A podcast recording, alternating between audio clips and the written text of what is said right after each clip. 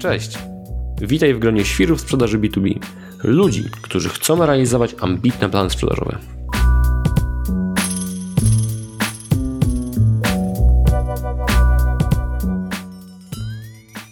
Cześć!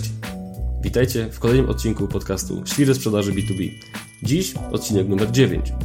Jest to dość szczególny odcinek, e, bo jest to tak naprawdę początek nowego formatu, formatu wywiadów. Wywiadów, które będę przeprowadzał z praktykami rynku B2B, e, z osobami, które jakby wiele różnych rzeczy już widziały na tym rynku i są w stanie podzielić się wiedzą. E, także jeśli słuchacie tego, zapraszam na YouTube'a, jest to też w formie wideo. Oczywiście nagranie audio i na Apple, i na Spotify będzie dostępne, także gdziekolwiek tego słuchacie, zapraszamy. E, dzisiaj mamy specjalnego gościa. E, jakby temat związany z usprawnianiem procesu sprzedaży jest bardzo ważny w dzisiejszych czasach i wielu klientów pyta o to właśnie, jak podnieść konwersję sprzedażową, jak więcej sprzedawać tak naprawdę w dzisiejszych trudnych czasach. Także e, któż byłby lepszym gościem na początek niż Tomek Zagdan. Cześć Tomek. Cześć, dzięki bardzo za zaproszenie. Bardzo się cieszę, że możemy pogadać i możemy ten temat poruszyć wspólnie. Y, zastanawiałem się, Tomek, jak Cię przedstawić. I tutaj nasi słuchacze muszą wiedzieć o tym, że Tomek przygotował taką wspaniałą y, laurkę o sobie, ale y, myślę, że zacznę w taki sposób, że po prostu jesteś człowiekiem sprzedaży B2B. jesteś zarówno konsultantem, jak i sam tak naprawdę sprzedajesz i sprzedawałeś wcześniej. Także czy zgadzasz się z określeniem Ciebie jako człowiek sprzedaży B2B? nie wypieram się niczego, co powiedziałeś. Okej, okay. czyli e, w kontekście zapoznania myślę, że e, Tomka wielu z naszych słuchaczy zna. E, jesteś obecny na, nazwijmy to, polskiej scenie sprzedażowej już od dawna. Dzisiejszy odcinek, tak jak mówiłem na początku, dotyczyć będzie skuteczności sprzedaży, a konkretniej badań przegranych szans sprzedaży, wygranych szans sprzedaży, rozmawiania z klientami i na podstawie wniosków z tych rozmów tak naprawdę poprawiania tego, jak wasza sprzedaż wygląda. Więc analizy win-loss, jak to Tomek lubisz nazywać, e, są narzędziem, o którym dziś będziemy rozmawiać. I takie pytanie na start, po co w ogóle badać klientów Twoim zdaniem? Jest to dobre pytanie i no myślę, że odpowiedź na to nie jest wcale aż taka, taka oczywista i, i chyba bym powiedział, że po pierwsze badać klientów warto dlatego, mm, żebyśmy mieli informacje, E, które są oparte o fakty, a nie odczucia. Ja obserwuję często taki trend, że gdy handlowcy mówią o czymś do szefa sprzedaży, albo szef mówi o czymś do zarządu, e, to często wnioski są traktowane z takim przymrużeniem oka. E, czasami wręcz w taki sposób, a oni marudzą, ciągle na coś tam narzekają, na pewno tak nie jest. I w momencie, kiedy pewne wnioski czy pewne rekomendacje wychodzą z, z wewnątrz zespołu, nie zawsze są wystarczająco poważnie brane pod uwagę i, i jakby wiele osób z tym dyskutuje. I powołanie się w takich sytuacjach na wnioski z badań z klientami e, pozwala w wielu przypadkach e, dostarczyć decydentom silnych argumentów, bo trudno decydować z tym, co mówią klienci. Jeśli klienci na przykład mówią, że nie kupili od nas z powodów XYZ, no, trudno z tym polemizować, bo takie są fakty i nawet jeśli klient nie do końca zrozumiał naszą ofertę, no to, to on nadal ją w jakiś sposób zrozumiał. Więc pierwszy, pierwsza rzecz jest taka, że badania klientów są takim niepodważalnym dowodem i, i trudno z nim dyskutować i one dostarczają bardzo często mocnej amunicji do wielu zmian, czy to w samej sprzedaży, czy w obsłudze klienta, a nawet czasami w ofercie firmy. To jest jakby taki pierwszy chyba punkt, moim zdaniem ważny. To jest bardzo ważne, co powiedziałeś, bo tak naprawdę opieranie się o opinię jest ryzykowne, no bo handlowiec ma swoją, szef sprzedaży może mieć swoją, zarząd może mieć swoją, ale tak naprawdę te opinie mogą być nic nie warte, bo tak jak powiedziałeś, to klient jest de facto tym jedynym źródłem prawdy, nazwijmy to, nie? Gdzie y, sam pewnie widziałeś nieraz w CRM-ach u klientów powód przegranej zbyt wysoka cena, tak, A, mam nawet całą nie chodziło. historię dzisiaj, do której się odniosę właśnie, jak to z tą wysoką ceną wygląda w rzeczywistości. No właśnie, bo to, że nam się wydaje, że jako handlowcy przegraliśmy e, jakąś szansę sprzedaży, bo było za drogo, bo klient nie tego szukał, bo był, na przykład był za mało świadomy, tak? To, to znowu to są nasze odczucia, nasze opinie. Bardzo fajnie, tak jak powiedziałeś, zderzyć to z faktami, de facto jak po stronie klienta to wyglądało, tak? E, to od czego byś zaczął takie badania w ogóle? Co, badania od, e, warto zacząć od kilku, kilku rzeczy, bo dla usystematyzowania, tak jak powiedziałeś, rozmawiamy w tym momencie o badaniach powodów decyzji klientów. Czyli chcemy zrozumieć, dlaczego klienci od nas kupili albo, albo nie kupili, mówiąc bardzo prosto. I tutaj jest kilka rzeczy, na które warto zwrócić uwagę. Po pierwsze, powinniśmy podjąć decyzję, kto takie badania będzie robił. Czy będziemy je robili sami, czy zlecimy je komuś na zewnątrz? E, dlaczego to jest ważne? E, bo pierwszą rekomendacją, którą bym tutaj dał, jest to, żeby badanie przeprowadzała osoba, która jest obiektywna z perspektywy klienta, co oznacza, że nie była zaangażowana w proces sprzedaży. E, mhm. Dobrze, żeby Czyli to nie, nie handlowiec, który rozmawiał, tak, z tym tak, klientem. Dobrze, żeby to nie był handlowiec. To nie jest tak, że handlowiec nie może zadzwonić do klienta i zapytać o powody decyzji. Może, i jeżeli robi to systematycznie, to już jest dobrze. Natomiast jest kilka wad takiego rozwiązania. E, po pierwsze, handlowiec trochę z natury rzeczy nie jest obiektywny, bo to jest trochę tak, jakby być sędzią we własnej sprawie. E, I pojawiają się na przykład takie wątpliwości, co się stanie, jeśli handlowiec dowie się czegoś, co było dla niego niekorzystne. To znaczy, okaże się, że proces sprzedaży był przegrany z powodu jego działań. Czy on tą informację przekaże dalej do firmy? I tutaj dużo zależy od kultury organizacyjnej. W jednych firmach tak, w drugich nie. To jest jakby pierwszy problem. Ale drugi problem też dotyczy e, samych klientów, e, bo jeżeli, bo nie zawsze jest tak, że klient będzie otwarty i gotowy na to, e, żeby takiemu handlowcowi prosto w twarz przekazać pełną prawdę. Bo albo tego handlowca czysto po ludzku polubił i nie chce mu robić przykrości, albo w drugą stronę, już więcej go nie chce widzieć na oczy i, i powie mu cokolwiek, co sprawi, że ten handlowiec mu da święty spokój. No i jest jeszcze trzecia rzecz, żeby dowiedzieć się właściwych informacji, trzeba we właściwy sposób pytać. To znaczy, w wielu przypadkach nie wystarczy zadać jedno proste pytanie i potem sobie odpuścić. No bo wyobrażam sobie taką sytuację, pytamy klienta, drogi kliencie, czemu od nas nie kupiłeś? Cena. Aha, dobra, to, to dziękuję. No i jeżeli na tym zakończymy rozmowę, możemy wpisać crm że była rozmowa, klienta zapytaliśmy, no ale czy to jest cała prawda? W bardzo wielu przypadkach nie. To, co powiedziałeś o szczerości jest bardzo ważne. Ja sam będąc tą, powiedzmy, osobą decyzyjną, tak, w niektórych zakupach u nas w firmie, ja sam dobrze sobie zdaję sprawę, że dać taki szczery feedback osobie, z którą rozmawiałeś, tak jak powiedziałeś, polubiłeś kogoś, no bo to, że od kogoś nie kupiliśmy, to wcale nie znaczy, że nie możemy tej osoby polubić i na takim czysto powiedzmy ludzkim, na takim e, jakby stopie, nazwijmy to koleżeńskiej, to może być całkiem w porządku gość. No ale że jego oferta była słaba, no to już jest inna sprawa, tak? I ja sam dobrze wiem, że dać taki szczery feedback jest, jest trudno. I nawet bym powiedział więcej, że e, to, że kogoś lubisz, to może być też y, jakby ten, ten feedback, który pozyskasz, może być, no, tam może być coś ukryte jeszcze. Tak. A z drugiej strony, jeśli jest inna osoba, tak jak powiedziałeś, to to no, w zasadzie ktoś, kogo nie znasz, ktoś obiektywny, ktoś, kto jest obok tego procesu, no to jak ty mu powiesz parę przykrych słów o tym handlowcu, no to co ci szkodzi, nie? Tak, y, to, to na pewno y, ułatwia to, więc rozumienie tego, kto to powinien robić, to jest jakby krok pierwszy. I, no, mhm. i jeżeli nie mamy takiej możliwości, żeby to zdelegować poza firmę, to szukajmy w firmie kogoś, kto to może zrobić. I z doświadczenia wiem, że to mogą być osoby z obsługi klienta, to może być ktoś z marketingu, wsparcia sprzedaży, to nawet mogą być inni handlowcy, choć to się często nie sprawdza dobrze, dlatego że handlowcy po prostu na to nie mają czasu. E, dobrze się sprawdza takie rozwiązanie, kiedy za ten proces odpowiada firmie jedna osoba i dla której ten proces jest ważny, raczej niż próba obciążenia tego, taką odpowiedzialnością bardzo wielu osób, bo miałem kilkukrotnie takie doświadczenia, że gdy ludzie tego nie robili i nagle zbieranie informacji zwrotnej stało się czyimś obowiązkiem, czyli kolejną rzeczą do zakresu, nie zawsze to było priorytetem i nie zawsze po prostu to, to wydarzenie się, czy ten proces był po prostu realizowany. A co sądzisz, żeby takie badanie na przykład robił właściciel firmy, czy prezes, jeśli mówimy o jakichś mniejszych firmach?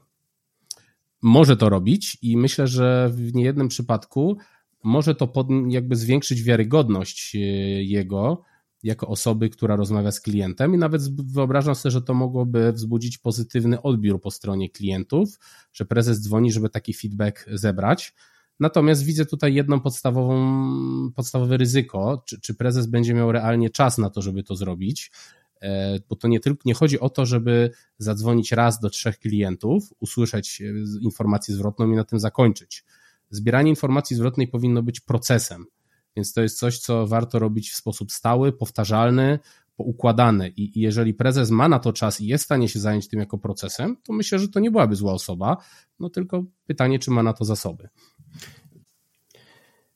Wiesz, Tomek, tak naprawdę w kontekście badań klientów, pomimo tego, że u nas jest ułożony proces i jest dedykowana osoba, która się zajmuje tymi badaniami w naszym teamie, tutaj pozdrawiam Maciej, to y, ja jako prezes też lubię zadzwonić raz na jakiś czas do naszych niedoszłych klientów i zapytać samemu, co nie zagrało. I pomimo tego, że mamy jakby przeanalizowane te rozmowy, które Maciej wykonuje, to taka rozmowa z mojej perspektywy jest też o tyle wartościowa, jeśli, jeśli sam ją robię, że mogę zapytać tego klienta o różne wątki, na przykład związane z przyszłością naszej firmy, z rozwojem oferty.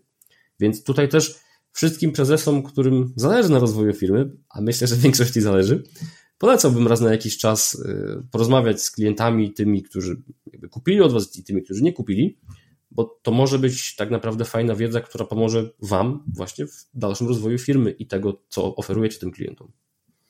To, to jest dobry pomysł, bo w ten sposób też adresujesz jeden z takich zarzutów, z którymi się kilkukrotnie spotkałem, zarzutów wobec osób zarządzających firmami, a mianowicie, że oni są już oderwani od klientów i są daleko od rynku i często wychodzą z rekomendacjami, które nie są związane z tym, co się dzieje w biznesie e, od strony klientów. No i w ten sposób e, to jest w sumie taki proces, to jest jeden chyba z najprostszych sposobów na to, aby zarządzający firmą cały czas był blisko klientów. Dokładnie tak. I nieważne, czy prezes jest zaangażowany w sprzedaż, czy nie, pogadać z tym klientem zawsze może tak naprawdę. Tak. Drugi punkt, o którym y, mówiłeś w kontekście badań, mówiłeś, że ludzie z marketingu mogą je wykonywać. Mogą w praktyce to się często zdarza, że właśnie marketing bierze w tym udział? E, wiesz co, w praktyce w większości firm, z którymi pracowałem, tak się nie działo, aczkolwiek myślę, że mogłoby. E, bo, bo, tu tak naprawdę mniej istotne jest, który dział to robi, a, a raczej istotne są kompetencje do tego, żeby takie wywiady przeprowadzać. E, mhm. To jest tak, posiadanie umiejętności rozmowy z klientem, i szczególnie jeżeli mówimy o, o, analizie w oparciu o rozmowy, bo też o tym nie powiedzieliśmy, że można to robić metodą ankiet, e, co zaraz skomentuję. Więc ja bym powiedział, że ważniejsze jest posiadanie umiejętności rozmowy z klientem, słuchania klienta, reagowania na to, co mówi, wyciągania wniosków, niż takie sztywne przypisanie do działu. Choć rzeczywiście marketing miałby, dużo sensu miałoby, żeby to marketing takie rozmowy przeprowadzał albo product management, dlatego że bardzo wiele wniosków, które wypływają z tego typu rozmów, będą przydatne do strategii rozwoju produktu, czy po prostu do strategii marketingowej. Dokładnie i teraz jest e, bardzo szumne hasło przecież integracji sprzedaży z marketingiem. Także drodzy marketerzy, jeśli tego słuchacie, rozmawiajcie z klientami. Kolejny punkt. Czyli Tomku, tak naprawdę mamy dedykowaną osobę, która się tym zajmuje. Osobę, która po prostu jakby jest w stanie porozmawiać z tym klientem i ma kompetencje do tego, żeby tę rozmowę poprowadzić, tak? Żeby aktywnie słuchać, zadawać pytania i prowadzić tą rozmowę, żeby jak najwięcej się dowiedzieć. Także punkt pierwszy za nami. Co dalej, żeby takie badania zrobić? Tak, to jest pierwsza rzecz. E, punkt drugi, e, musimy, musimy zdecydować, w jaki sposób te badania przeprowadzamy. E, bo w dużym poziomie ogółu mamy dwie drogi e, zapytania klienta. Pierwsza droga to jest ta, o której mówimy, czyli przeprowadzenie z klientem rozmowy. To może być rozmowa telefoniczna, to może być rozmowa wideo. Ona ma bardzo taką e, fajną zaletę, że wielu klientów się na nie zgadza. Więc prosząc klientów o tego typu rozmowy, mamy bardzo dużą szansę na dobry odsetek odpowiedzi. Moje doświadczenia pokazują, że na 50, nawet do 80% klientów się zgadza na takie rozmowy. Zależy od projektu, od tego, czy to jest wygrana, czy przegrana szansa. To, to jest dużo. fajne w momencie, kiedy mm, prowadzisz biznes, gdzie wartość pojedynczej szansy sprzedaży jest w miarę duża. E, mówimy na przykład o kilkudziesięciu, kilkunastu tysiącach złotych plus. Jeżeli więc wartość Twojej szansy sprzedaży to jest kilkanaście tysięcy złotych plus, to spokojnie warto do takiego klienta zadzwonić. Natomiast jeżeli działamy w firmie, gdzie, gdzie sprzedajemy rzeczy o dużo tańsze, które mogą nie wiem, kosztować kilkaset złotych, czasami kilka tysięcy, to też rozwiązaniem może być wysyłka ankiet online. One muszą być krótkie, wystandaryzowane, natomiast no, tam musimy się liczyć, że odsetek odpowiedzi to może być od kilku, w najlepszych wypadkach do 20-30%, ale to się rzadko zdarza. Więc to trochę zależy od biznesu, jaki mamy. Jeżeli mamy taki typowy transakcyjny biznes, gdzie mamy dużo szans sprzedaży ma, o małej wartości, to ankiety pewnie będziemy stosować. Jeżeli, natomiast jeżeli mamy raczej klientów średniej, dużej wartości, to zdecydowanie lepiej zadzwonić czy umówić się na rozmowę wideo, bo dowiemy się dużo więcej informacji. Więc to jest druga rzecz, taka decyzja, którą trzeba podjąć. No a trzecia decyzja to jest e, jakby mieć świadomość, e, do kogo dzwonimy i kiedy. E, dzwonimy. Bo moje doświadczenia są też takie, że najlepiej z takim telefonem czy kontaktem nie czekać za długo e, od, od momentu podjęcia decyzji przez klienta. Czyli im szybciej do klienta wrócimy, tym większa szansa, że klient się zgodzi i będzie pamiętał wszystko na temat tego procesu. Jeżeli wrócimy do niego, nie wiem, po roku czasu czy po pół, jest spora szansa, że już albo ten człowiek nie pracuje w tej firmie, albo nie pamięta o czym to było i, i ta rozmowa nie będzie dla nas e, po prostu wartościowa. Więc to o tym pamiętajmy. Jak nie będzie pamiętał tych rozmów, to też jest taki problem, że może tych detali już nie pamiętać. I same rozmowy, proces wyboru różnych dostawców może pamiętać, tak? Ale jeśli po trzech czy po sześciu miesiącach e, do takiego człowieka zadzwonimy, no to nie liczmy za bardzo na to, że te detale się pojawią, nie? Tak, tak. Najlepiej generalnie dzwonić w takim okresie do, do trzech miesięcy i im większy proces był przetargowy, czy też proces sprzedaży, no tym dłużej możemy czekać, ale do trzech miesięcy to takie moje doświadczenia są, że to jest najlepszy okres do, do uzyskania odpowiedzi od klienta. No okay, czyli Tomku, mamy tak naprawdę tego człowieka odpowiedzialnego za proces. Tak. E, musimy podjąć decyzję, czy idziemy w stronę bardziej ankietową, raczej przy, przy e, mniejszych wartościach dealing, tak jak powiedziałeś, czy idziemy w stronę dedykowanych rozmów, czy to telefonicznych, czy rozmów online, nazwijmy to rozmową po prostu. Tak. E, załóżmy, że idziemy w tą, w tą drugą stronę, tak? Czyli jakby nasza sprzedaż no, ma te wartości deali na poziomie tam kilkunastu czy kilkudziesięciu tysięcy złotych, więc poświęcamy czas na rozmowę decydujemy się, kiedy powinniśmy te rozmowy zrobić, tak? Czyli w naszym procesie powinniśmy jasno założyć, czy te rozmowy są po tygodniu od przegranej, czy od wygranej, po miesiącu, po dwóch, po trzech, żeby to był warto, sztywny termin, tak? Tak, warto sobie to określić. Im precyzyjniej, tym łatwiej będzie z tego zrobić proces. Okay, czyli y, mamy osobę, mamy kanał, mamy wybraną tak naprawdę datę, kiedy y, jakby kontaktujemy się z tym człowiekiem. Y, przydałoby się go o coś zapytać teraz, nie? Tak, przydałoby się go coś zapytać, ale przedtem jeszcze sobie warto odpowiedzieć na pytanie, czy wiemy, kogo pytamy. E, to znaczy, e, w większości, jeżeli mamy procesy sprzedaży, które nie były zbyt skomplikowane i nie są to ogromne, procesy ogromnej wartości, to najczęściej wystarczy przeprowadzić taką rozmowę z jednym rozmówcą, czy też decydentem po stronie firmy. E, natomiast w przypadku, kiedy to były bardzo duże procesy sprzedaży, może się czasem zdarzyć, że warto będzie porozmawiać z więcej niż jedną osobą na kilkaset rozmów, które ja przeprowadziłem tego typu w życiu, to takich sytuacji, gdzie warto było rozmawiać z więcej niż jedną osobą, to pamiętam kilka, kilkanaście, więc to są naprawdę duże i skomplikowane tematy. Natomiast warto o tym pamiętać, że niekiedy takie poznanie perspektywy dwóch uczestników ze strony klienta może nam dać więcej wartości. Natomiast Czyli też warto spojrzeć na to, jak komitet zakupowy wygląda. Jeśli ten komitet był tak. duży i to był jakiś strategiczny zakup, tak jak powiedziałeś, też to widzę, że dwie różne osoby mogą dać fajny feedback, bo trochę z różnych stron mogą patrzeć na to, nie? Wiadomo, tak. że dyrektor finansowy, a załóżmy dyrektor produkcji, to są zupełnie dwie osoby z zupełnie różnymi problemami na co dzień, więc to też będzie wartościowy feedback. E, także fajnie, że o, o tym powiedziałeś, czyli e, to też pamiętajcie, żeby zastanowić się, czy jedna główna osoba, z którą rozmawialiście, wystarczy, czy może, jeśli poznaliście więcej tych osób, warto po prostu poszerzyć to grono, do którego będziemy dzwonili, nie? Tak, więc... Byliśmy przy pytaniach, Tomku. Tak, wiemy już z kim rozmawiamy, więc y, oczywiście o co chcemy zapytać. Wiadomo, taką intuicyjnie rzeczą, która nas najbardziej interesuje, jest dowiedzenie się, jakie były powody decyzji klienta. Natomiast ja, przeprowadzając takie rozmowy, nie rekomenduję od tego zaczynać, bo pytanie o powody decyzji to jest od razu wyciąganie najcięższego działa. E, zależy nam na tym, żeby klient e, troszeczkę nam zaufał w tej rozmowie i trochę wkręcił się w tą rozmowę z nami. Więc ja zawsze e, zaczynam taką rozmowę stosując trochę metodę buyer persony, żeby i zadaję takiemu klientowi pytanie, drogi kliencie, przypomnij nam proszę, kiedy z Twojej perspektywy ten proces zakupowy w ogóle się zaczął? Pamiętasz? Mówi, no tak, to było, nie wiem, 4 miesiące temu. A pamiętasz w ogóle, dlaczego ten proces zakupowy rozpocząłeś? Jakby, jaki cel miałeś, co chciałeś osiągnąć? E, I to jest takie drugie pytanie, które pozwala klientowi rozwinąć się na temat tego, kiedy zaczął kupować i po co w ogóle chciał kupić, bo nie, za, nie zawsze te informacje na etapie procesu sprzedaży są wystarczająco wyjaśniane. I Czyli wracamy warto... na sam początek tak naprawdę tego procesu. Tak. Wracamy na sam początek procesu i możemy sobie go otworzyć. W momencie, kiedy to zrozumiemy, warto też zapytać, jeśli dotąd dotychczas tego nie wiedzieliśmy, a skąd w ogóle klient dowiedział się o naszej firmie. E, I w momencie, kiedy to już wiemy, to jest wtedy właściwy moment, żeby zapytać, czym klient pokierował się podejmując decyzję o zakupie, czyli jakie kryteria w ogóle były dla niego istotne. I w momencie, kiedy klient nam o tych kryteriach opowie, to jest dobry moment, żeby zapytać go, OK, drogi kliencie, a jak wypadliśmy na tle tych kryteriów? W których obszarach wypadliśmy lepiej, w których obszarach wypadliśmy gorzej? Które z tych kryteriów były dla ciebie najważniejsze? No i bardzo często wokół tej dyskusji już dowiemy się, w których obszarach byliśmy mocni, w których obszarach byliśmy słabi i co tak na koniec zadecydowało o tym, że klient podjął takie, a nie inne decyzje e, na temat e, tego konkretnego procesu. E, przy czym ja, ja bardzo często nie zatrzymuję się na tym pytaniu, ale też rekomenduję dopytać, a drogi klienci, czy oprócz tego, co powiedziałeś, coś jeszcze miało dla ciebie znaczenie przy podejmowaniu decyzji.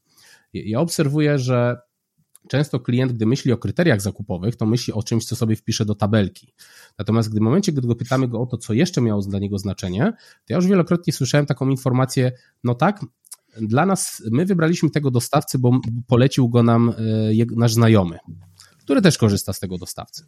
I to nie było kryterium decyzji wprost, ale było bardzo istotne dla podjęcia decyzji. I to też e, warto w takiej sytuacji zrozumieć. Więc staramy My się. Bardzo często też słyszymy, że jednym z powodów było to, że na przykład w naszej sprzedaży, że handlowiec dobrze rozumiał biznes klienta. I trudno znaleźć w Excelu tak, tego procesu y, decyzyjnego punkt pod tytułem, czy handlowiec dostawcy rozumie naszą firmę? To raczej nikt tak. tego nie pisze. Ale jeśli spotykasz człowieka, który zadaje odpowiednie pytania i jakby czujesz, że w tej branży pracował, tak, ma doświadczenie, wie z czym to się je, to jest ogromny plus tak naprawdę do całego procesu. Czyli osoba handlowca moim zdaniem też tutaj y, ma dużo znaczenia w kontekście tej decyzji, żeby była pozytywna jednak. Ma, ma. Jak najbardziej moje doświadczenia też są takie, że osoba handlowca i generalnie nasz proces sprzedaży to jest jeden z elementów, które wpływają na decyzję klienta. I to też można w tym y, zmierzyć.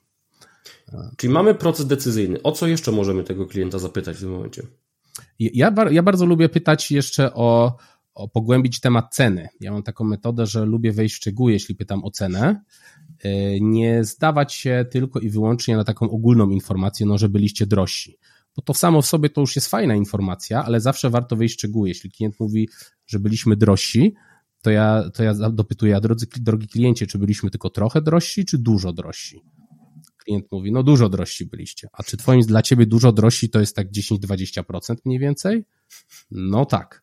A czy byliśmy dużo drożsi na całej ofercie, czy tylko na tym jednym elemencie? A no byliście drożsi tu i tu. I taką metodą małych kroków dopytujemy tak długo, aż dowiemy się wszystkiego, albo klient nam po prostu powie nie. I to jest, to jest takie pogłębienie szczegółów w ocenie, żeby dowiedzieć się tego, co naprawdę dla nas było tutaj istotne. A, a druga rzecz, o którą też warto zapytać, to warto zapytać o sam proces decyzyjny po stronie klienta, to znaczy kto oprócz osoby, z którą rozmawiamy, podejmował udział w tym procesie i jakie były dla nich najważniejsze E, etapy w tym procesie decyzyjnym. Ja przy tym okazji, jak, jak rozmawiam o procesie decyzji, lubię zapytać, czy wyeliminowaliście jakiegoś dostawcę w procesie decyzji? Jeżeli tak, to dlaczego? Albo czy klient miał jakieś wątpliwości w tym procesie decyzji względem naszej oferty? Bo to często pojawia, pozwala mm, pokazać, z jakiego powodu można odpaść w procesie, nawet to jeśli to my nie odpadliśmy tym razem. Ale możemy się dowiedzieć, czemu konkurencja na przykład odpadła. Czyli tak naprawdę czynniki decyzyjne, etapy tej decyzji i cały komitet zakupowy, który podejmował tę decyzję, to Twoim zdaniem to jest tak, tak naprawdę jakby taka, taka święta trójca tak. związana z decyzyjnością, którą podczas takich badań powinniśmy zbadać, tak? Tak, bo w takiej rozmowie zależy nam na tym, żeby zrozumieć, po co klient kupił, po co w ogóle chciał kupić, e, czym kierował się kupując i, i jak to zrobił, jak wyglądał proces. I taka, to, dokładnie te trzy punkty dadzą nam w większości przypadków pełen obraz tego, co potrzebujemy, żeby wyciągnąć sobie wnioski z tego procesu sprzedaży. Mówiłeś też o ofercie. Czy Twoim zdaniem w tym momencie warto zapytać tak wprost, czego zabrakło w tej ofercie klientowi? E, zdecydowanie warto o to zapytać i warto zadawać tutaj pytania wprost. E, ja pytam o to, w czym nasza oferta była lepsza od konkurencji, w czym była gorsza. Pyta, warto też zapytać, czy konkurencja zaoferowała coś, czego my nie mieliśmy. I w ten sposób możemy się wielu, wielu ciekawych rzeczy na temat konkurencji dowiedzieć. E, generalnie, jeżeli już umówimy się z klientem na taki wywiad, klient taki wywiad z, z, nami przeprowadza, to praktycznie możemy zadać każde pytanie, które mieści się w ramach jakichś takich zdroworozsądkowych zasad. Bo najgorsze, co nas może w tej sytuacji spotkać, to klient powie, wie pan co, ja tego panu po prostu nie mogę powiedzieć. I idziemy dalej z kolejnymi pytaniami. Dokładnie, no to, że odpowie nam na pięć pytań, a na szóste nie odpowie, bo nie może, no i tak te pięć wcześniejszych już mamy, nie? Tak, więc nie bójmy się zadawać pytań. Pytajmy o wszystko to, co może być dla nas e, istotne. Krok wcześniej, jak mówiliśmy o osobach, które mogą wykonywać takie badania, mówiłeś o osobach też z zespołów produktowych. I tutaj y, w kontekście oferty myślę, że to jest szczególnie ważne w branży technologicznej, w branży SaaS na przykład, tak? Gdzie umówmy się, w SaaSie tak naprawdę konkurencja jest ogromna. I tych narzędzi często, nie wiem, CRM-ów samych, tak? Przecież CRM-ów na świecie to jest z kilkadziesiąt tysięcy już teraz. I mm, te feature'y, tak, tego produktu, myślę, że to jest też ważne, żeby właśnie w tym momencie zapytać, czego zabrakło, bo może wy jeszcze nie wiecie, że wasza konkurencja coś wprowadziła, a klienci już to bardzo polubili, bo bardzo tego brakowało i w trakcie takich badań to może wyjść. Także zespoły produktowe też tutaj mają y, swoją działkę, żeby się dołożyć, bo mogą z tego mieć bardzo fajny feedback. I znowu, nie na zasadzie nam się wydaje, że klient powinien mieć taką funkcję. Jakby klienci wprost mówią, że tą funkcję chcą i kupili od innych, bo inni tę funkcję mieli. To, to jest bardzo fajna perspektywa. E, ja, jeden z klientów, dla których takie usługi świadczę, to jest właśnie firma SaaS B2B i właśnie dla nich ten aspekt y, produ rozwoju produktu jest istotny. Tak jak zauważyłeś, technologia rozwija się szybko i cały czas wchodzą nowe funkcjonalności i rozmawiając z klientami, y, y, możemy być na bieżąco z tym, co nowego konkurencja wprowadziła, jakich dostawców ten klient w ogóle ocenił i może się okazać, że na rynku są nowi dostawcy, z których sobie nie zdawaliśmy sprawę i możemy w niektórych przypadkach dostać porównanie oczami klienta naszego rozwiązania do konkurencji, dowiedzieć się w czym było lepsze, w czym było gorsze i dostać bardzo dużo szczegółów, których w innym przypadku byśmy nie mieli. To są bardzo przydatne rzeczy dla product managerów po to, żeby podejmować decyzje o rozwoju produktu. W kontekście konkurencji też e, my to dzisiaj widzimy na rynku, że bardzo wiele firm na przykład zmienia segmenty. Załóżmy, do tej pory sprzedawali e, tylko do enterprise'ów, do największych firm, a teraz otwierają się na taki średni rynek. Albo w drugą stronę, sprzedawali do mniejszych firm, do segmentu SMB na przykład, a idą w górę tego rynku. Więc to też podczas takiego badania bardzo fajnie może właśnie wyjść, czy czasami konkurencja, której nie rozpatrywaliśmy, bo nie sprzedawali w naszym segmencie, nagle nie zaczyna no, podgryzać nam kostek, mówiąc kolokwialnie. Tak. Nie? Ale w drugą stronę możemy też odkryć, bo poruszyłeś fajny wątek i też mi się przypomina case właśnie klienta SaaS B2B, e, gdzie tego typu analiza po, pozwoliła zidentyfikować taki mikrosegment rynku, w którym ten klient w zasadzie nie miał konkurencji. A dowiedzieliśmy się tego o. z badań, bo właśnie jego klienci mówili, nie mogliśmy znaleźć żadnego innego dostawcy, który oferowałby to samo co wy. Albo nawet jeżeli tacy dostawcy byli, to ich oferta nie była kompletna. No i gdy weszło się w szczegóły, to okazało się, że w zasadzie klienci mają specyficzne potrzeby i na ten moment tylko nasze rozwiązanie w tak kompleksowy sposób adresuje i się żaróweczka zapala, bo okazuje się, że mamy segment rynku, na którym, który może nie jest gigantyczny, ale na nim mamy bardzo dużą przewagę. I to może być dla nas sygnał, że warto skupić nasze wysiłki sprzedażowe i marketingowe tam, bo tam możemy mieć dużo wyższą konwersję niż gdziekolwiek indziej. To jest bardzo fajna rzecz, którą teraz powiedziałeś, bo to jest tak naprawdę taki aha moment, gdzie rozmawiając y, z tym klientem, tak, możemy dojść do wniosku, że może warto trochę y, jakby nasz profil klienta zmienić, bo skoro tutaj jest segment, w którym nie mamy konkurencji i gdzie potencjalnie jest dużo kasy do wyjęcia, to może warto to eksplorować dalej, nie? Tak. Bardzo fajna rzecz, bardzo fajny feedback w ogóle z takiego poziomu znowu nie tyle sprzedaży, marketingu, produktu, co właśnie taki feedback z perspektywy po prostu strategii całego biznesu. Tak. Więc znowu, prezesi, róbcie badania. A poruszyłeś super ważny e, wątek moim zdaniem, e, bo gdy, gdy ja patrzę na, na firmy i, i, patrzę na ich skuteczność sprzedaży i ta skuteczność sprzedaży jest mierzona prostym wskaźnikiem win rate, czy jaki procent szans sprzedaży zamyka się wygraną, e, no to w momencie, kiedy ten win rate jest bardzo niski, bardzo niski to jest dla mnie w firmach B2B wszystko, co jest poniżej 15% i nieraz, nierzadko się spotkałem z 10%, 5%, to prawie zawsze jednym z podstawowych problemów jest to, że firma nie ma określonego, kto jest ich klientem docelowym i po prostu próbują sprzedawać do wszystkich. To jest często jeden z podstawowych problemów i gdy się to zaadresuje, to skuteczność sprzedaży wzrasta bardzo mocno i może się dowiadywać y, trudne, żeby to stwierdzić, ale takie mam doświadczenie, że po przeprowadzeniu 10 do 15 rozmów e, z klientami wygranymi i przegranymi, już możemy mieć naprawdę niezłe rozumienie tego, kto jest naszym klientem, a kto nim nie jest i zbudowanie sobie bardzo sensownych kryteriów kwalifikacji, które wraz z kolejnymi wywiadami będziemy sobie tylko i wyłącznie już doprecyzowywać. Jeżeli podoba Ci się ten materiał, nie zapomnij zasubskrybować naszego kanału. Nasz podcast znajdziesz na platformach YouTube, Spotify oraz Apple Podcast. Linki w opisie. Wracamy do odcinka. To jest bardzo fajne, co powiedziałeś. Analizowanie tak naprawdę skuteczności sprzedaży z perspektywy różnych segmentów. My zrobiliśmy taką analizę 2-3 mm, miesiące temu z perspektywy stanowisk. U nas wewnętrznie przeanalizowaliśmy sobie sprzedaż z perspektywy e, jakby sprzedaży do prezesa, sprzedaży do dyrektora marketingu i sprzedaży do dyrektora sprzedaży. I tak naprawdę podskórnie czuliśmy, że lepiej nam się z marketerami rozmawia. I pomimo tego, że nasza oferta jednak skierowana jest raczej w stronę sprzedażową, to ci marketerzy chętniej kupują. I to samo się tak naprawdę powtórzyło w danych, gdzie mamy wyższą e, konwersję o parę punktów procentowych właśnie wśród marketerów. Później są prezesi i właściciele firm i dopiero na końcu dyrektorzy sprzedaży. A wydawałoby się, że dyrektor sprzedaży dla nas, tak, gdzie możemy wesprzeć jego handlowców, pomóc w tej sprzedaży, w ułożeniu procesów, w pozyskaniu lidów, no to, że ten dyrektor sprzedaży, to, to on powinien chcieć to kupić. No właśnie, z analizy wyszło inaczej i to samo w badaniach też wychodzi, że ci ludzie z marketingu chętniej się dzielą tym feedbackiem, chętniej opowiadają o tym właśnie, skąd w ogóle pomysł się u nich pojawił, żeby e, poszukać firmy takiej jak nasza. Kto z nimi tą decyzję podejmował. Także, tak jak mówisz, wrzucenie wszystkiego do jednego worka jest niebezpieczne. No bo jak tam się za dużo pomiesza, to, to na końcu z tych danych może nic nie wyjść, nie? Tak, może nic nie wyjść i to, co powiedziałeś, to moim zdaniem też jest bardzo ważny trop dla wielu osób, a mianowicie analiza skuteczności sprzedaży na bazie danych w CRM-ie, w zależności od tego, kto jest personą, do której sprzedajemy. Ja już ten wzór widziałem w kilku firmach i ty podajesz właśnie kolejny, gdzie ta skuteczność była wyraźnie różna w zależności od tego, do kogo sprzedajemy.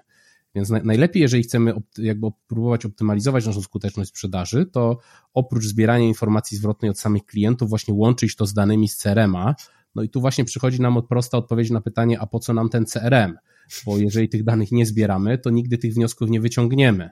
Natomiast jeśli zbieramy te dane systematycznie, to CRM może być również kopalnią wiedzy do podejmowania właśnie takich decyzji.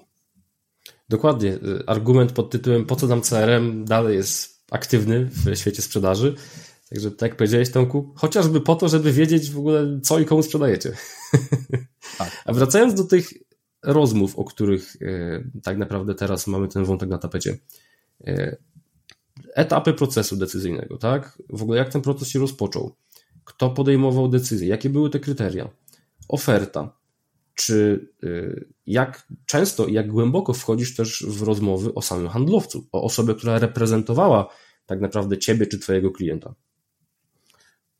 Wchodzimy na tyle głęboko, ile słyszymy, że to ma sens w perspektywie danej rozmowy.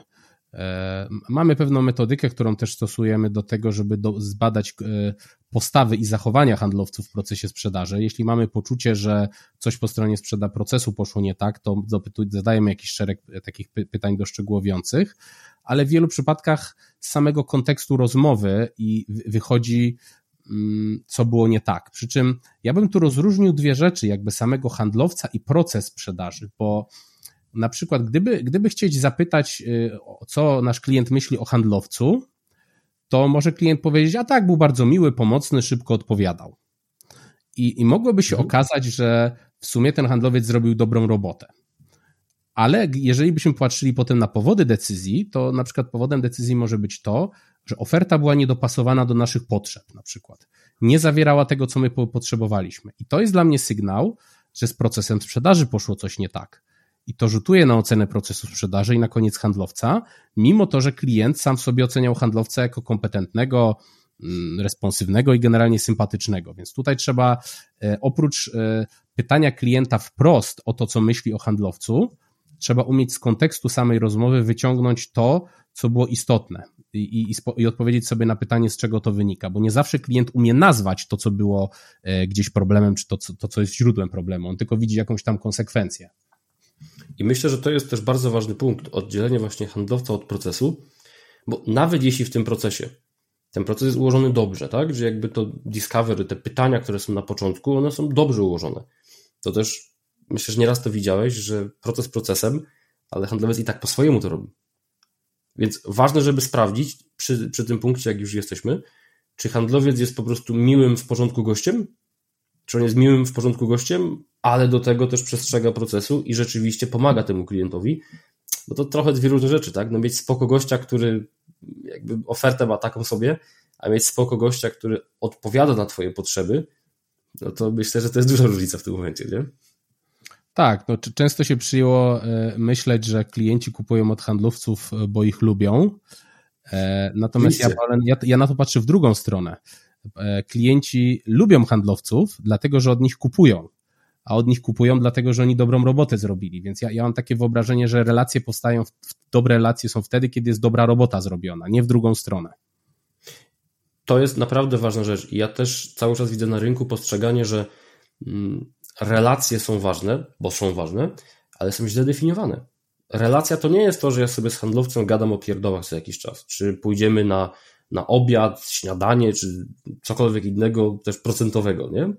To jakby to nie jest relacja. Ja relację definiuję jako profesjonalizm. Jak, jako to, że rzeczywiście ten handlowiec, jego oferta, jego firma, to co on reprezentuje sobą, pomaga mi w biznesie. I jakby ja tak bardziej patrzę na relację, która, tak jak powiedziałeś, ona się tworzy w trakcie tego kupowania i ten klient widzi, że ok, warto tobie zaufać, bo jesteś profesjonalny, więc jest ta relacja później. Czy ty też podobnie patrzysz na to?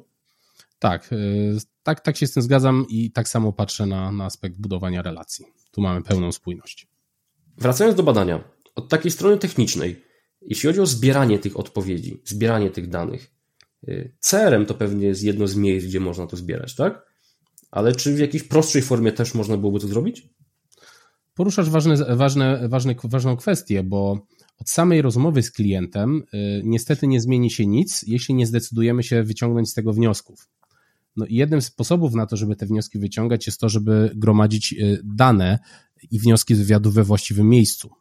I w moim odczuciu CRM jest dobrym miejscem w bardzo wielu przypadkach, jeśli tylko ma takie funkcjonalności, żeby te dane y, gromadzić. I ja, jeżeli chodzi o CRM, no to na, na, ten moment, na przykład pracując z klientami, robimy to na dwa sposoby, y, gdzie jednym jest takim, że notatki z każdego wywiadu dostarczamy klientowi w osobnym pliku, ale oprócz, bo na przykład mamy cały transkrypt z rozmowy z klientem i tego no nie ma sensu wrzucać do CRM, a więc jest PDF w załączniku, ale druga rzecz, wszystkie takie dane parametryczne, które mają sens, na przykład e, skąd klient się od nas dowiedział, dlaczego podjął taką, inną decyzję, jaka była różnica w cenie, staramy się w formie prostej ankiety wprowadzić do CRM i wiele systemów CRM takich troszeczkę bardziej elastycznych taką możliwość ma.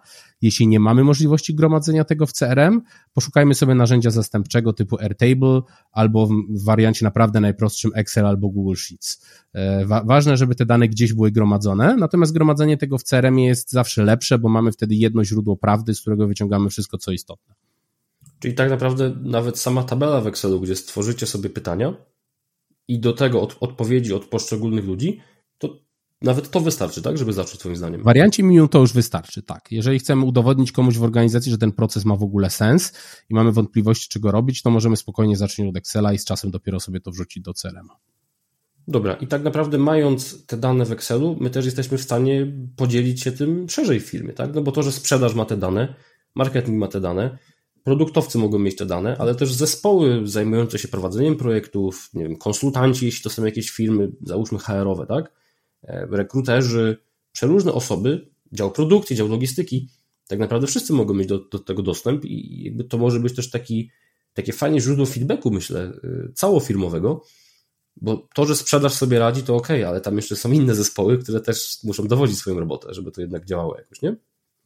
Tak, i, i warto, żeby inne działy, inne role w firmie miały dostęp do tych informacji, bo znowu, jeżeli zachowamy ją dla siebie, to nie będzie z tego żadnego pożytku.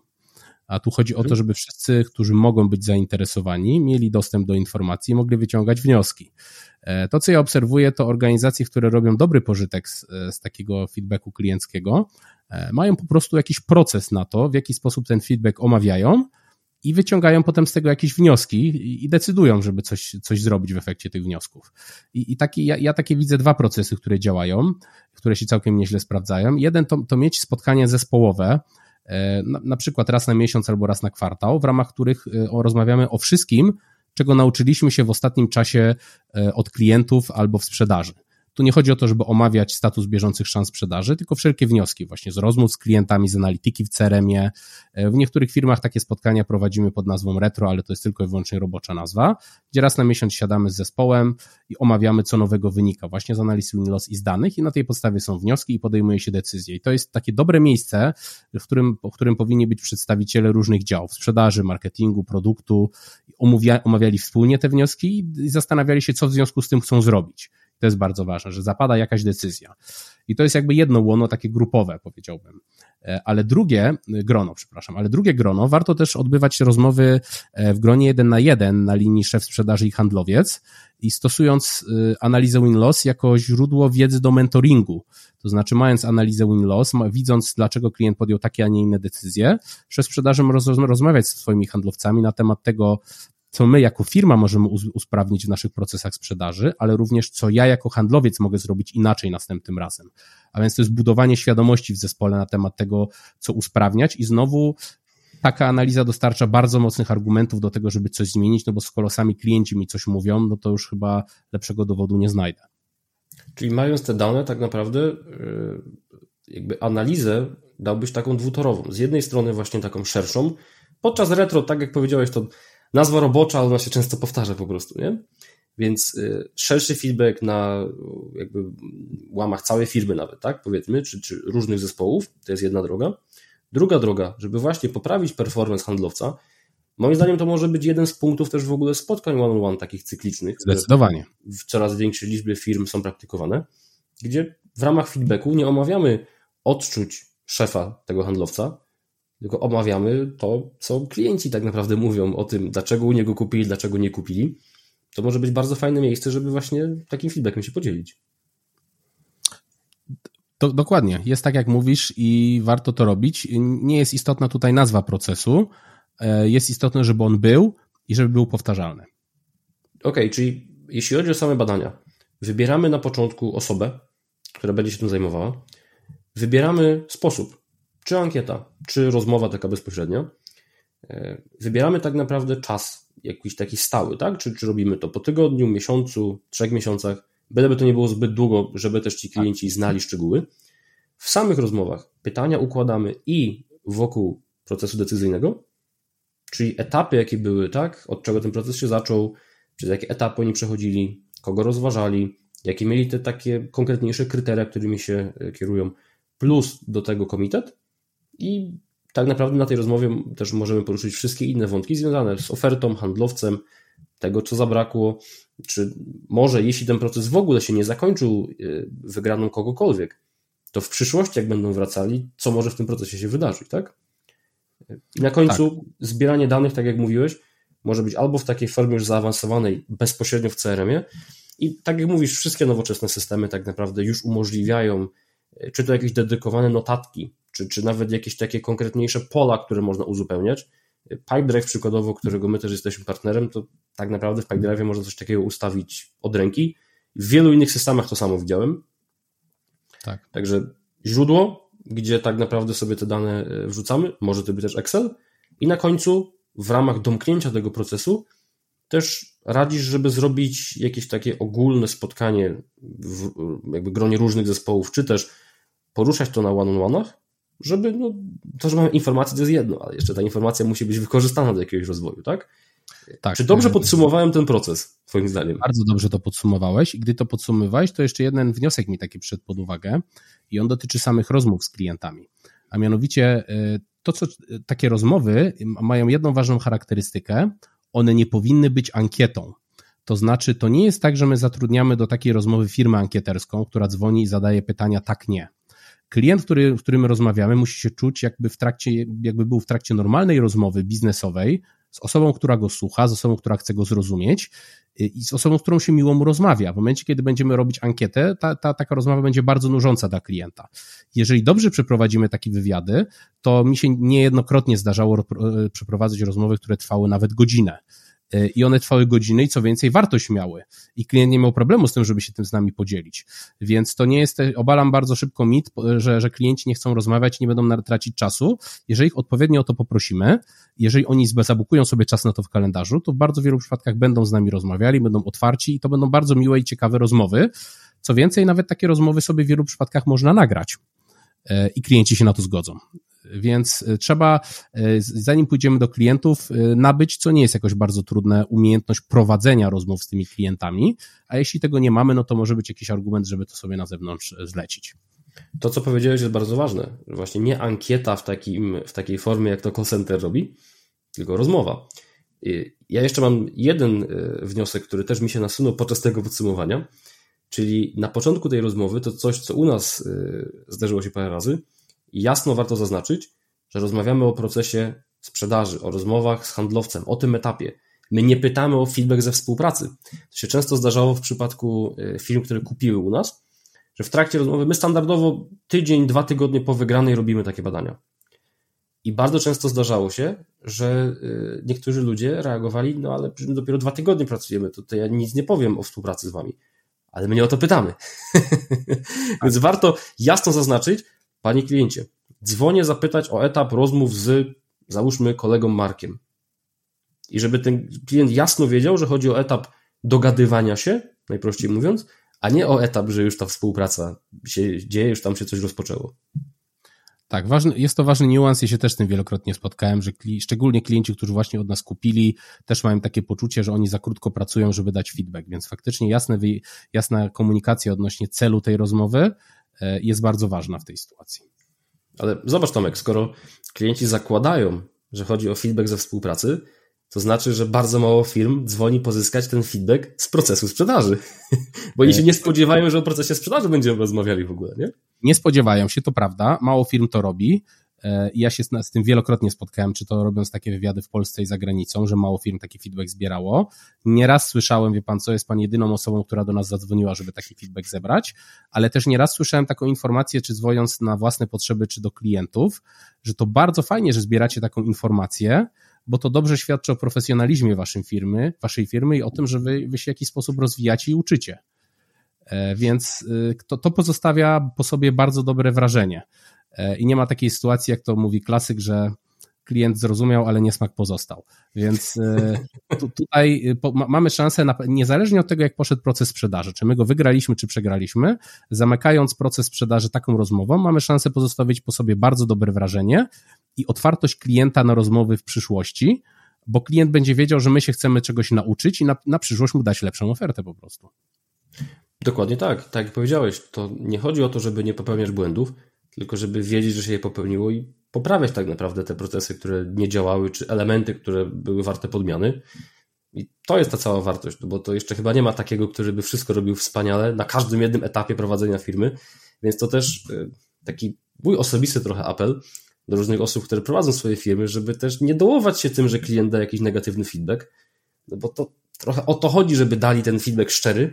Jeśli on jest negatywny, no to musicie coś poprawić w waszej firmie. Po prostu. Jakby ja też nieraz słyszałem negatywny feedback od naszych klientów i to nie będę ściemniał, że e, jesteśmy wspaniali, bo nie jesteśmy, jakby każdy ma swoje braki, no ale dzięki temu, że wiemy co nie gra, wiemy co poprawić, żeby po prostu w przyszłości, tak jak powiedziałeś, przy następnych zamówieniach, przy następnych e, okazjach do współpracy, żeby to po prostu lepiej wyglądało, tak?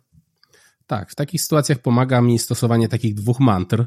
E, jedna jest taka, że feedback to jest dar i tak go trzeba traktować, a z drugiej strony jest takie słynne powiedzenie e, Nelsona Mandeli, który powiedział: Ja nigdy nie przegrywam, albo wygrywam, albo się uczę.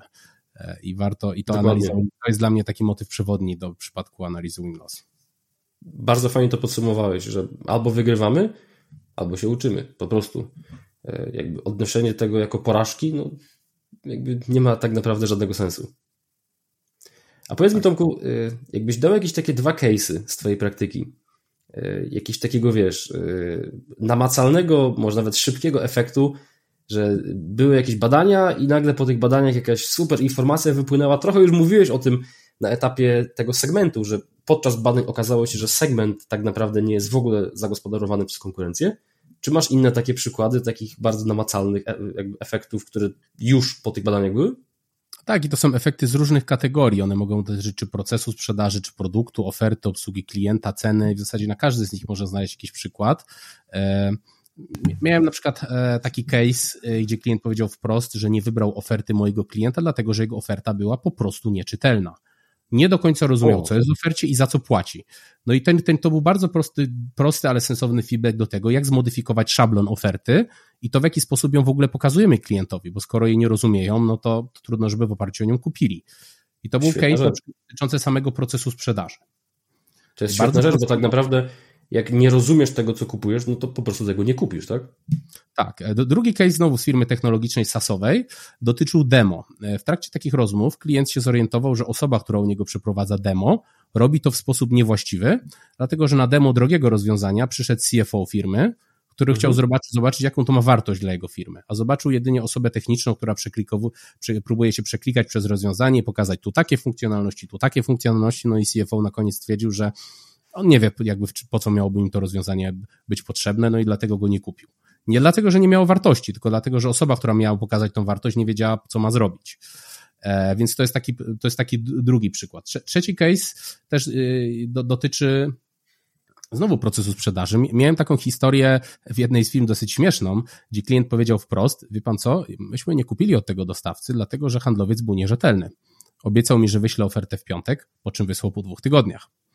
No i się okazało, że ta informacja poszła do klienta. Szef sprzedaży zapytał handlowca. On zrobił takie wielkie oczy, że jak to, jak to? Ja na pewno wysłałem ofertę na czas. No ale potem się okazało, że sprawdzili w CRM i jednak nie wysłał. E, więc, e, więc taka prosta rzecz spowodowała, że i to są czasami bardzo drobne rzeczy, i to są drobne rzeczy, ale też bardzo złożone, bo e, miałem okazję dwa tygodnie temu dla jednej z firm analizować bardzo duży proces sprzedaży o wartości ponad 30 milionów złotych, duży, międzynarodowy, gdzie handlowiec w CRM jako powód decyzji wpisał cenę. Gdy rozmawialiśmy z klientem, okazało się, że cena była jednym z, rzeczy, jednym z, pozytywnych elementów oceny klienta. Gdyby to on się kierował ceną, to by od niego kupił. Problem był taki, że oferta nie była kompletna, to znaczy nie zawierała wszystkich elementów, które były dla klienta niezbędne. A okazało się, że oferta nie była kompletna dlatego, bo zespół handlowy nie zbadał należycie procesu zakupowego klienta, jego, jego kryteriów zakupowych, tego, co on naprawdę chciał kupić, nie zrozumiał tego w właściwy sposób, w związku z tym nie złożył właściwej oferty. I z tego nam wypłynęło kilka wniosków odnośnie tego, gdzie mamy luki w procesie sprzedaży, szczególnie do dużych klientów i powstały rekomendacje, jak taki proces zaadresować. Więc to są takie to są takie przykładowe rekomendacje, które wychodzą z analizy win-loss, które można zastosować w codziennym życiu.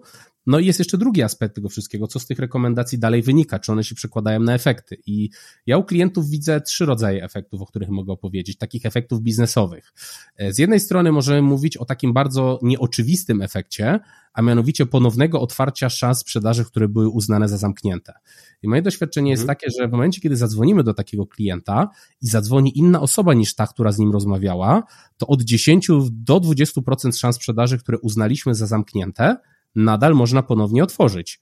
Tylko trzeba, klient musi klient po, po, prostu uznał, że oferta nie trafiła w potrzeby albo czegoś istotnego nie, nie dostał w tej ofercie, ale gdyby ją uzupełnić, to on nadal będzie z nami rozmawiał. Tylko handlowiec po prostu uznał ten temat za przegrany. E, I ja już w kilku firmach to, to widziałem, więc to jest jakby taka pierwsza korzyść. E, druga korzyść jest taka, że jeżeli wdrażamy te wnioski z analizy win-loss i rzeczywiście to robimy, no to możemy poprawić proces e, skuteczność ofertowania, ten wskaźnik win rate od 15 do 30%. E, a trzecia rzecz jest taka, którą też obserwuję, że można zastosować ten proces tylko do tego, żeby nazwijmy to odratować utraconych klientów. I w jednej z firm usługowych e, wdrożyłem taki proces, który polegał na tym, że e, podejmowaliśmy w określonym czasie kontakt z klientami, którzy przestali kupować. I dzięki temu, mhm. że ten kontakt był podejmowany, dzięki temu, że rozumieliśmy, dlaczego ci klienci przestali kupować, można było opracować taki proces odzyskiwania, czyli powrotu do tego klienta z ofertą, która odnosiła się do powodu, dla którego klient przestał kupować. E, I, i, i robiąc tego typu proces, e, udało się odzyskać, to trochę mówię z głowy, tam około 7 czy 8% przychodów firmy.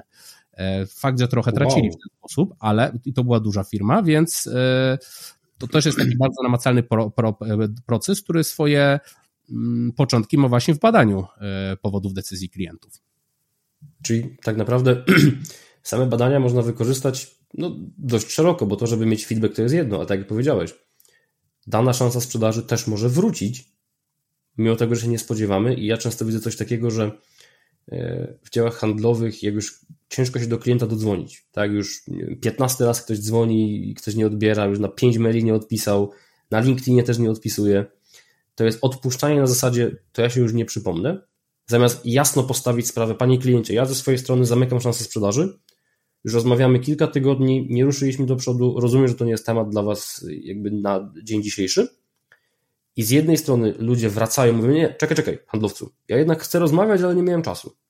Z drugiej strony, po takim zamknięciu, jak jest badanie robione, tak jak powiedziałeś, to może być kolejny taki, nazwijmy to trigger dla tego klienta, który ten proces jakiś powodu przerwał, że on jednak powie, a wie pan co, to jednak wróćcie do mnie w przyszłym tygodniu, bo w sumie mieliśmy ciężki okres, się nie odzywałem, wiem, ale jednak w przyszłym tygodniu możemy wrócić do rozmów. A nie ukrywajmy, Tomek, to i ty i ja o tym dość głośno mówimy, że pozyskiwanie nowych lidów jest najdroższe. Skupienie się na tym, co masz dzisiaj w CRM-ie, no to, to tu jest kopalnia i zresztą o tym też y, jest nawet live na naszym kanale. Y, wspólnie z tobą i wspólnie z Pawłem Ciszakiem o tym rozmawialiśmy, że lidy lidami, ale jeszcze jest kupa potencjału w CRM-ie, który można wykorzystać, więc jeśli ten temat Was interesuje, zapraszam na naszym kanale na YouTubie są dwa nagrania y, tych live'ów. Wracając do badań, ja też a propos ceny, poruszyłeś bardzo fajny wątek. Dziś rano wymieniłem parę wiadomości ze znajomym. Najpierw mówię, że to jest spółka doradcza. Jakby nie mogę zbyt dużo powiedzieć, bo robią dość specyficzną rzecz, jeśli chodzi o to doradztwo i myślę, że bardzo tak. jasno było wiadomo, o kogo chodzi. I złożyli ofertę dla klienta, dla polskiej firmy, którą y, kupiła niemiecka większa konkurencja. Czyli była jakaś decyzja już w Polsce, ale Niemcy na końcu i, i tak tą decyzję finalnie podejmowali. I oni przegrali tą szansę sprzedaży. Przez cenę. Ale przez to, że byli za tani. I to się pojawia coraz częściej, że jak jest oferta zbyt tania, załóżmy ich oferta, żeby też nie podawać jakichś tam dokładniejszych kwot, ich oferta to, to było 100, a oferta konkurencji niemieckiej z niemieckiego rynku to było razy 3. I ta centrala niemiecka się wystraszyła, pomimo tego, że Polacy byli przekonani, żeby działać z, z moim znajomym, pomimo tego niemiecka centrala uznała, nie, my idziemy w to droższe. I nie droższe 5%, 10%, trzy razy droższe. I dosłownie parę tygodni temu też mieliśmy taką rozmowę z którymś z naszych potencjalnych klientów i powiedział to samo, że oni coraz częściej słyszą od klientów, to był SaaS akurat, że po prostu oni są tańsi i firmy z zagranicy boją się kupić, no bo boją się, że jak coś będzie za tanie, to może być słabej jakości. Jak często ty się z tym spotykasz jako taki wniosek z badań, że ktoś y, jakby przegrał deal przez to, że jego oferta była nie wiem, zbyt tania, zbyt, zbyt uboga, że ktoś się bał tą decyzję podjąć i poszedł w coś o wiele droższego.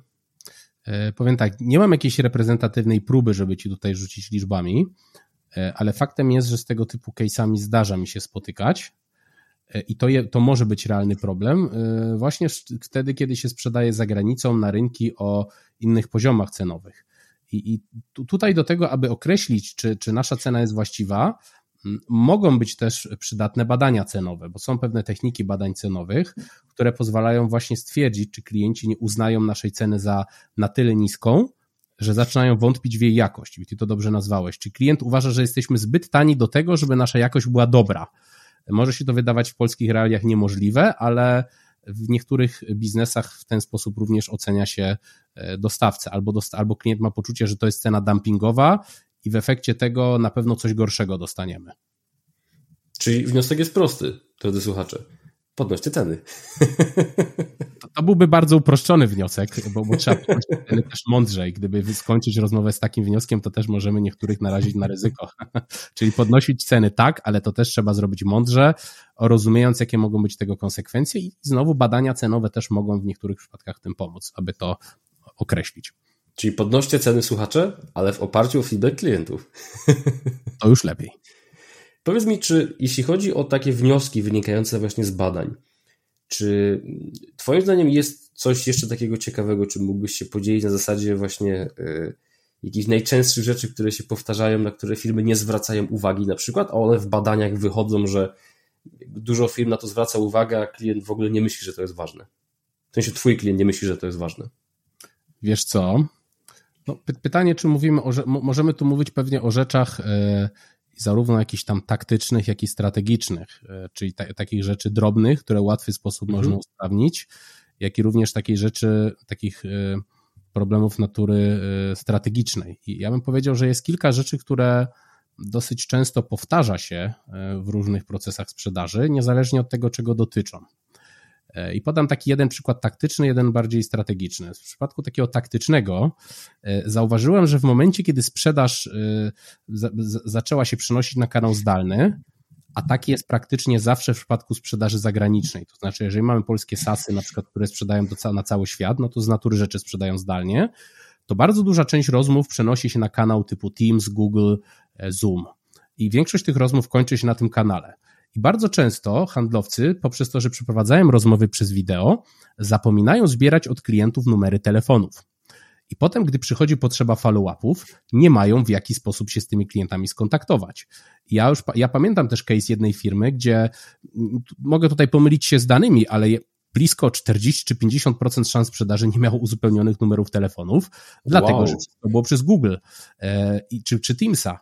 Wtedy mamy poważny problem z follow-upem, bo wykluczamy sobie jedno z ważniejszych narzędzi, dlatego warto, w taki, ta, ta, to jest taki drobny, prosty, prosty trik, czy może elemencik w procesie sprzedaży, jeżeli w taki sposób prowadzimy rozmowy, że są to głównie wideo, upewnijmy się na przykład, że na początku rozmowy kwalifikacyjnej e, czy jakiegoś dalszego etapu mamy krok, w którym sprawdzamy, czy mamy numer telefonu od klienta, a jeśli nie, to go o to prosimy bo jeżeli tego nie zrobimy w właściwym momencie, to potem może być za późno i obniżymy sobie skuteczność follow-upów. Więc to jest taki dosyć drobny przykład, ale w wielu przypadkach już widziałem. A Wiesz, z drugiej drobny, strony. ale wartościowy, bo tak naprawdę mówimy o banalnej rzeczy. Zapytać klienta na takim wideokolu, wie pan co, bo nie mam pan numeru telefonu, mógłby mi pan podać, sobie zapiszę? No, umówmy się, jakby wielokrotnie pytałem ludzi o numer telefonu, jeszcze chyba nikt mi nie odmówił, więc to nie jest tak, że ludzie nie chcą się tym numerem dzielić, ale potem, tak jak powiedziałeś, na follow-upie wychodzi problem, bo trzeba zadzwonić do klienta, ale kurczę, by się numer jeszcze przydał. Tak, tu główny problem jest to, że numeru nie mamy, bo, go, bo o to nie zapytaliśmy. I to rozwiązuje problem, zapytać. Bardzo fajny a... wniosek, bo wiesz, prosty, jakby szybki do wdrożenia, a tak jak mówisz, no zapomina się o tym jednak, tak? Tak, i myślę, że w wielu przypadkach w procesach sprzedaży możemy znaleźć jakieś takie drobne elementy, e, które pozwoliły, które pozwolą nam coś usprawnić i w tego typu w rozmów i z takich rozmów z klientami możemy takie drobne usprawnienia wychwycić, których, których potem naprawa nie będzie wcale trudna. No ale też y, z drugiej strony są właśnie te wnioski, które nazywałem bardziej strategicznymi, gdzie pojawia się jakiś taki bardziej znaczący problem. Ten problem, który obserwuję, w, powiedziałbym, że w prawie każdej firmie, to jest problem jasności oferty wartości. To znaczy, żeby zespół handlowy był w stanie wyjaśnić klientowi, czym tak naprawdę jest nasza oferta wartości, co w ramach tej oferty wartości jest tym unique selling proposition, czyli czym my się wyróżniamy od konkurencji. No a w naj, najlepszym możliwym wariancie to żeby być jeszcze w stanie pokazać monetarną wartość tej, tej oferty, to znaczy policzyć, ile klient na tym zyska, czy to w postaci wyższych przychodów, niższych kosztów, usprawnienia w jakichś procesach, czyli tych wszystkich aspektów, które dotyczą szeroko rozumianej komunikacji wartości.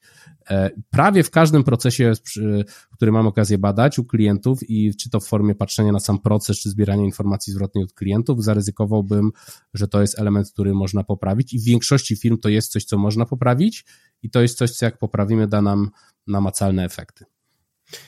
Myślę, że to jest ważny punkt pod kątem właśnie zwrotu z inwestycji, tak? Tego, ile klient zarobi, ile oszczędzi.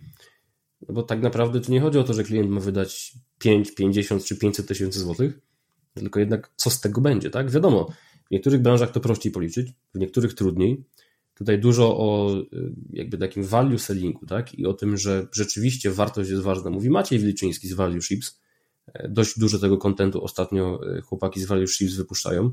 Także to jest mega istotny element, żeby rzeczywiście ten, ten, ten, ten klient, tak, który ma u ciebie kupić, żeby wiedział, jakby Tomek, co ty w ogóle dostarczysz i ile ja na tym zarobię, bo to, że coś kosztuje X, to, to, to zawsze trzeba to odnieść do potencjalnego zwrotu, tak? No bo jeśli coś kosztuje 500 tysięcy, a my ledwo co zarobimy na tym, to trochę szkoda w to w ogóle tak, wchodzić, tak? Właściwie idąc za tym tropem, bym też zaryzykował jedną rzecz, albo zaproponował jedną rzecz. Im droższą ofertę mamy, tym większe prawdopodobieństwo, że będziemy musieli, że klient musi umieć uzasadnić jej zakup wśród swoich przełożonych.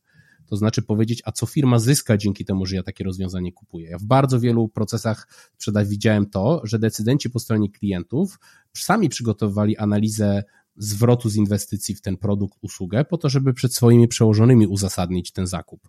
Więc co my możemy zrobić jako dział sprzedaży?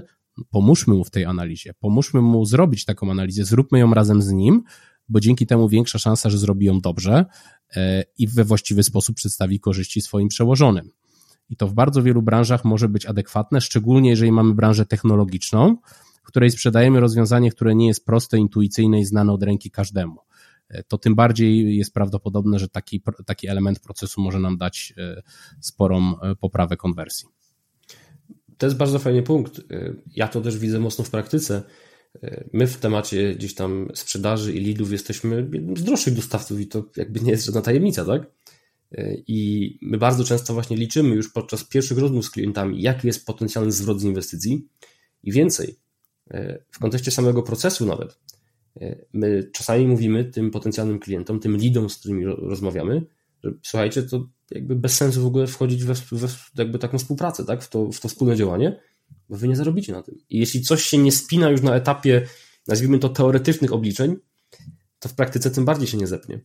I y, taka szczerość w trakcie rozmów handlowych to jest też coś, co, co często znowu u nas się pojawia, tak, że jakby ludzie to doceniają.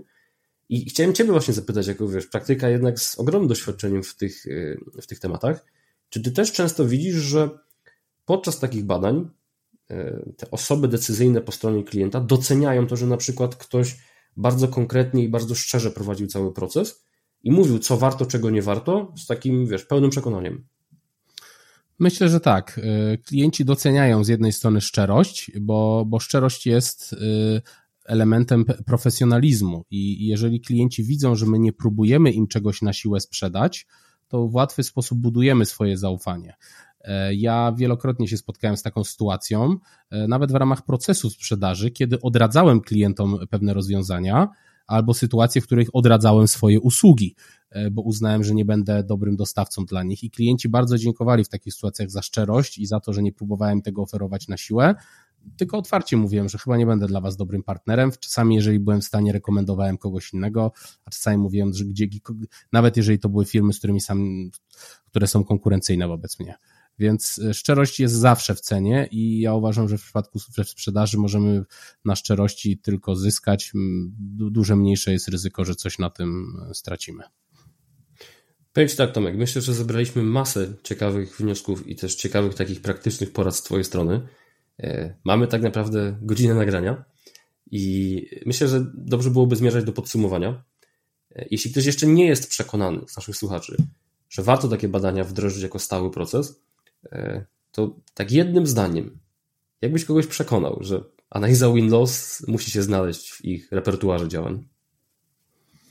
E, gdybym miał e, jednym zdaniem kogoś przekonać, dlaczego ma analizę win-loss robić, to bym powiedział mu, że chyba nie znajdzie mocniejszego źródła prawdy na temat swojego biznesu niż klienci. I jeżeli szuka najlepszego źródła prawdy na temat tego, dlaczego biznes mu idzie lub nie idzie, to, to zawsze ją znajdzie u klientów. I analiza win-loss jest chyba najprostszym sposobem na to, żeby tej prawdy dociec. Czyli podsumowując, analiza win-loss to najprostszy, najszybszy i myślę też, że y, najbardziej taki oczywisty z perspektywy klienta sposób, żeby rzeczywiście z nim porozmawiać i dowiedzieć się, co zagrało, co nie zagrało. Y, bez teraz kombinowania jakichś dziwnych badań rynkowych, robienia nie, nie wiadomo czego.